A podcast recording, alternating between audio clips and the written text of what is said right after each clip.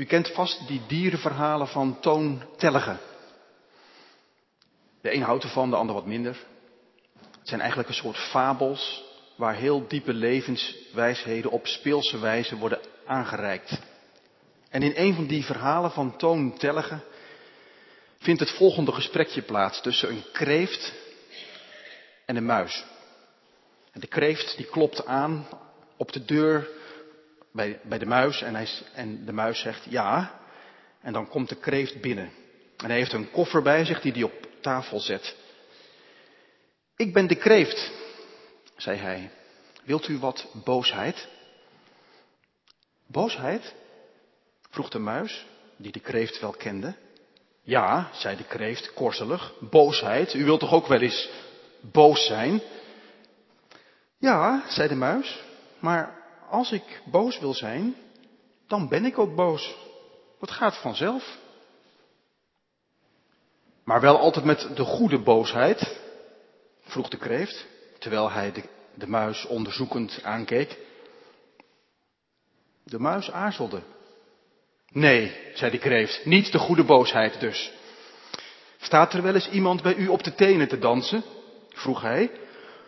Ja, zei de muis. Dan heb ik hier een lichte boosheid die snel weer overgaat, zei de kreeft. En hij liet een dunne, lichtrode boosheid zien. Een hele mooie boosheid, zei hij. Hij keek de muis nog eens aan en vroeg toen, hebt u wel eens iets thuis vergeten als u ver weg bent? Heel vaak, zei de muis. Hoe weet u dat? Dan heb ik hier de ergernis die daarbij past, zei de kreeft. En er kwam een rimpelige, grijze ergernis uit de koffer. En de muis knikte. Het was inderdaad de ergernis die paste bij iets vergeten. Ik heb zo'n soort ergernis al, zei de muis, alleen in het geel. Nou ja, het verhaal gaat verder, ik zal u er verder niet mee vermoeien. Het ging mij even om dit gesprekje. Het, maakt op een aardige manier duidelijk dat er verschillende soorten boosheid zijn. En ook dat boosheid niet altijd zo verkeerd is. Het kan heel gepast zijn. In de Bijbel ontmoeten we een God die boos kan zijn. Veel mensen hebben daar moeite mee. Met die boosheid van God. De Vlaamse schrijver Dimitri Verhulst schreef onlangs een boek over de Torah, de eerste vijf boeken van de Bijbel. En hij veegt de vloer aan met het godsbeeld wat hij daarin vindt. Een God die humeur, humeurig is en chagrijnig en wreed. Al dus verhulst. En in een of andere detective komt het volgende gesprekje voor tussen twee personages. De een zegt, als, als ik een God had, dan zou ik graag willen dat hij intelligent was en vrolijk en plezierig. En grappig. En dan zegt die ander, ik vraag me af of je aan zo'n God wel veel zou hebben. Als ze jou de gaskamers in zouden jagen. Misschien zou je dan veel liever een God hebben die wraak neemt en woede kent. Ik denk dat die laatste persoon gelijk heeft. Aan zo'n lievige, zoete God heb je in een gebroken wereld niet zoveel. In een wereld waar zoveel scheef zit. Waar zoveel onrecht wordt gedaan. Een wereld die schreeuwt om recht. Die schreeuwt om een God die opstaat tegen het onrecht. Die afrekent met het kwaad. En uiteindelijk recht zal doen. Niet alleen God kent boosheid, ook Jezus kent woede. U denkt natuurlijk net als ik meteen aan het verhaal van die tempelreiniging. En zeker als je daar de verfilmde versie van kijkt, nou dan vliegen de vonken eraf. In je, in als je de Bijbeltekst zelf leest kun je het nog een beetje fatsoeneren. Maar als je het werkelijk je voorstelt in, het, in de cultuur van toen, dan was dat een hele heftige gebeurtenis. Heilige woede, waarmee Jezus die hele, dat hele tempelplein schoonveegt. Tafels omgooit. Roept, tiert en schreeuwt zodat het in plaats van een rovershol weer een gebedsplaats kan zijn. En als Jezus stuit op schijnheiligheid of, of kille veroordeling, dan kon hij in woede ontsteken in de gesprekken die hij had met fariseërs Of hypocriete mensen die hij tegenkwam. Harteloze mensen met een oordeel over iedereen en alles. Dan kon Jezus oprecht boos worden. En ook bij mensen in de Bijbel is boosheid, kan boosheid iets positiefs brengen. Mozes bijvoorbeeld, hij, hij daalt de berg af, ziet dat heel het volk host en danst en springt rond een gouden kalf en dan smijt hij die twee stenen tafels op de grond in duizend stukken. En vindt er een geweldige afrekening plaats. En ook bij veel profeten proef je een heilige woede tegen mensen die alles wat God voor ogen heeft aan hun laars lappen. Volledig hun eigen gang gaan en zich geen zier aantrekken van mensen in nood. Dan kunnen die profeten echt losgaan. En u en ik, wij kennen het ook. Soms kan boosheid iets heel goeds naar boven brengen. Luther, de reformator, heeft eens gezegd, als ik boos ben, dan kan ik goed schrijven, bidden en preken. Ik herken dat zelf niet zo overigens. Maar hij zegt, mijn stemming wordt dan verbeterd. Mijn begrip aangescherpt en alle wereldse kwellingen en verleidingen vallen weg. Nou ja, wat ik wel herken is dat een bepaalde concentratie of, of, of focus, misschien wel boosheid, wat hij boosheid noemt, of woede, ervoor zorgt dat er in je lichaam adrenaline vrijkomt. En dat helpt om je te focussen en om scherp te zijn. Ja, woede kan een drive zijn om door moeilijke tijden heen te komen. Het kan je ook helpen om van je angst af te raken. Het kan je energie geven om voor een goede zaak op te staan. En eindelijk is dat woord te zeggen wat moest klinken. En dan voet bij stuk te houden. Zonder woede zou er misschien niemand in deze wereld voor een ander opkomen. Zou niemand, zou iedereen zich weerloos laten overheersen en vernederen. En zouden we alles passief over ons heen laten spoelen. Ja, soms kan woede of boosheid ons naar het leven leiden. Iedere psycholoog kan het ons vertellen. Dat je boosheid, als je die van binnen voelt, niet moet onderdrukken, niet moet ontkennen. Maar er juist goed naar moet kijken om te zien wat er onder die boosheid verborgen ligt. Aan verlangen, aan, aan frustraties. En zo kom je op het spoor van het leven. Dan is boosheid een signaal dat er iets misgaat. En soms ligt dat aan mij. Gebeurt er iets waar ik zelf heel gevoelig voor ben. Maar soms ligt het ook aan die ander, die mij echt onrecht aandoet. En, en opkomende boosheid of woede vertelt me dat. Er gaat kennelijk iets mis. En dan is het goed om daar de aandacht op te richten. En zo heeft boosheid en woede een goede functie. Maar dat gezegd hebbend, weten wij ook, u en ik, dat er aan woede of boosheid een schaduwkant kan zitten. Want er is niet alleen die directe emotie die ik net beschreef, maar er is ook een soort woede die zich in je bestaan invreet. Die alles verterende hartstocht, die een tweede natuur kan worden. Als God het niet verhoedt. En die uiteindelijk tot verderf leidt, tot terreur, tot oorlog. Het is een gestolde emotie waarmee we de ander vastpinnen op dat wat ooit mis is gegaan. En het ziekt maar door. En het maakt relaties stuk. En het zet mensen apart van elkaar. En het verbreekt familieverbanden en gemeenschappen. Die woede kan vernietigend uitwerken. En dan niet alleen in de brute, wrede vormen die we deze, in deze wereld zien gebeuren. Daar distancieren we ons van. Dat zien we onszelf niet gauw doen. Maar net zo vernietigend kan het zijn als iemand niet explodeert, maar implodeert. En woede een bevroren, ijzige woede wordt. Waarin de ander volledig wordt genegeerd. Waarin een blik in iemands ogen dodelijk kan zijn. En één woord zo vol giftig venijn. Ja, en dat begint, dat begint in je denken zegt Jezus. Als hij in de bergreden het begin van woede opspoort, dan zegt hij een boze gedachte, een flits van een gedachte. Als je iemand uitscheldt, ben je al verder in het proces. En zul je je moeten verantwoorden voor het gericht. Het is een typische manier van overdrijven, zoals Joodse rabbies dat deden. Natuurlijk wordt niet iedereen die elkaar, die iemand uitscheldt, voor de rechtbank gedaagd. En toch, toch legt Jezus wel de vinger bij een zere plek.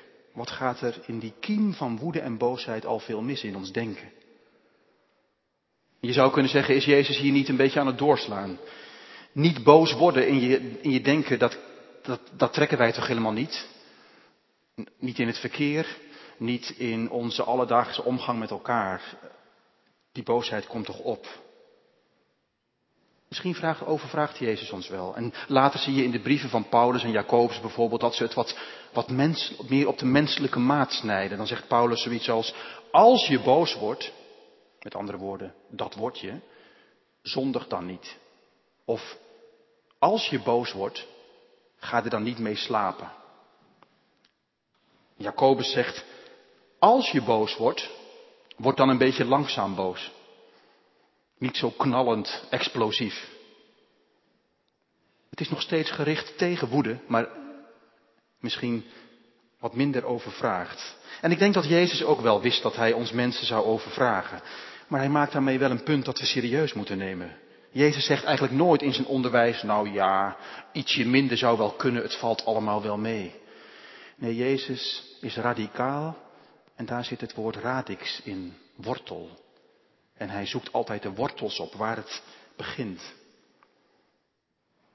En Jezus weet beter dan wij dat zo'n goed bedoelde, misschien terechte woede zo snel kan doorslaan en omslaan in iets onzuivers. En dat je er dus altijd heel scherp op moet zijn. En niet te snel moet denken dat jouw en mijn en uw woede terecht is en 100% zuiver. En wel positief zal uitpakken en deze wereld beter maken.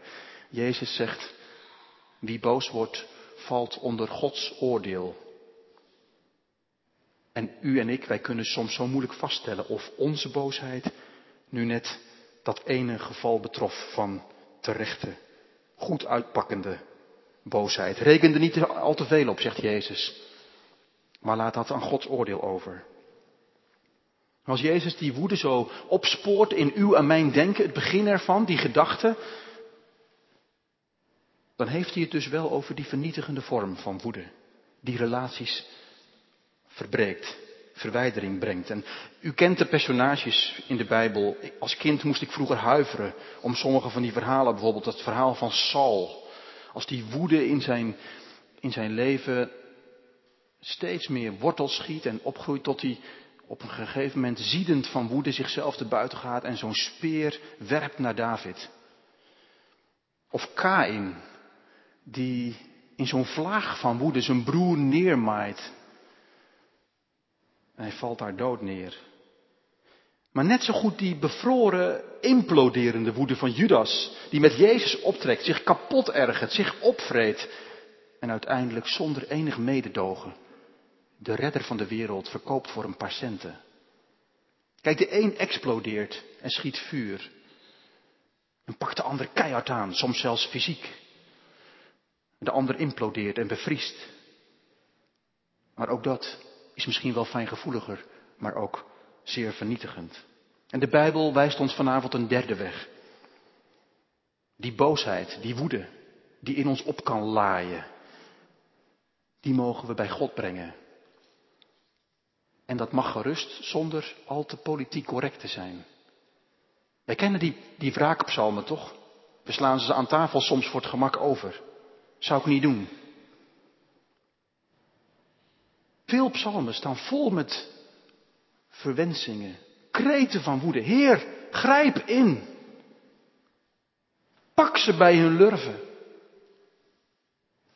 Doe recht.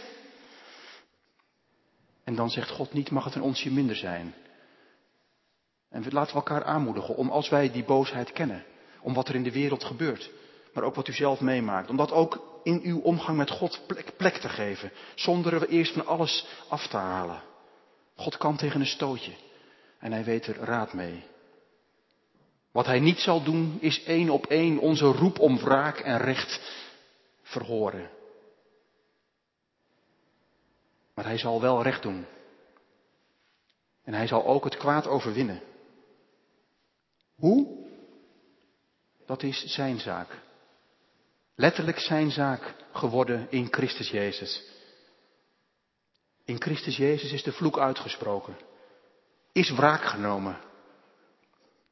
Is heeft vergelding plaatsgevonden. En het heeft alles God zelf getroffen. In Jezus. Alle wraak, alle wrok, alle drift, alle toren. Balt daar samen. In dat heilig uur. En Jezus draagt dat, absorbeert dat. Het vernietigt hem totaal. En hij draagt het weg. Zo wordt al het kwaad wat in deze wereld wordt bedreven door anderen, maar ook dat door mij. En ook het begin daarvan in mijn denken. Overwonnen door de goedheid van God. Het oordeel en de vergelding laten we dus aan God, maar onze boosheid leggen we bij Hem neer. Aan de voet van het kruis. Op die plek waar hoger aan het kruis die stem zal zeggen, Vader vergeef het hun, want ze weten niet wat ze doen. Als u en ik dat steeds opnieuw proberen, onze wrok, onze aangekoekte boosheid, daar neer te leggen en het daar los te laten, dan kunnen onze gebalde vuisten zich misschien langzaam weer leren openen en gevouwen worden tot biddende handen, tot zegenende handen, tot delende handen. Om zelfs onze vijanden te leren liefhebben. Ik las vanmiddag in een theologisch blad, min of meer toevallig, toevallig een, een verhaal over een Nederlander die ik helemaal nog nooit van gehoord had. Zijn naam was, even nakijken zelfs, Cornelis Keers. Dominee in de Tweede Wereldoorlog. In Lemelerveld of All Places. En Assen. Later in Rotterdam-Zuid. Hij zat in het verzet. En hij was betrokken bij de opvang van Joodse onderduikers. Cor Keers. En hij moest van het ene onderduikadres naar het andere vluchten. Omdat er vier mannen waren in Nederland die het op hem voorzien hadden. Vier NSB'ers. Die maar één missie hadden. Nou, één van hun missies in elk geval was Cor Keers te pakken nemen. En na de oorlog worden die vier opgepakt en verdwijnen ze in de gevangenis van Assen. En dominee Keers uh, gaat weer terug naar zijn werk en krijgt als deeltaak gevangenispastoraat in Assen. En hij komt de gevangenis binnen en ontmoet daar die vier mannen. En hij overwint zichzelf. En als twee van hen de doodstraf krijgen, is het Cor Keers, dienaar van Christus, volgeling van Jezus, die gratie aanvraagt voor deze twee mannen die hem zijn leven jarenlang vergald hebben. Dat gratieverzoek wordt afgewezen en in de nacht voor hun executie is Cor Keers in één cel met twee van deze vier mannen. En deelt hij met hen het evangelie en leest hij een vers als in Jesaja. Al waren je zonden als scharlaken, ze zullen wit worden als sneeuw. Al waren ze rood als karmozijn, ze zullen worden als witte wol. En na hun executie gaat in de rouwdienst korkeers voor. En later als hij thuiskomt zegt hij, nooit in mijn leven heb ik genade zo dichtbij gevoeld. Beste broeders en zusters, boosheid speelt een rol in ons leven. Maar wie die woede, die boosheid niet leidend wil laten zijn, maar zou willen overwinnen, doet er verstandig aan zich te oefenen in het tegendeel. In mildheid, in barmhartigheid, in verbinden, in de andere hand reiken. Dan wordt je hart ruimer en wijder en schiet het onkruid van woede, wrok, drift en toren niet zo snel wortel en kan het ook weer wegvloeien. En zo kunnen u en ik en jij stap voor stap leren om het kwade te overwinnen door het goede. Net zoals Christus dat heeft gedaan voor ons. Amen.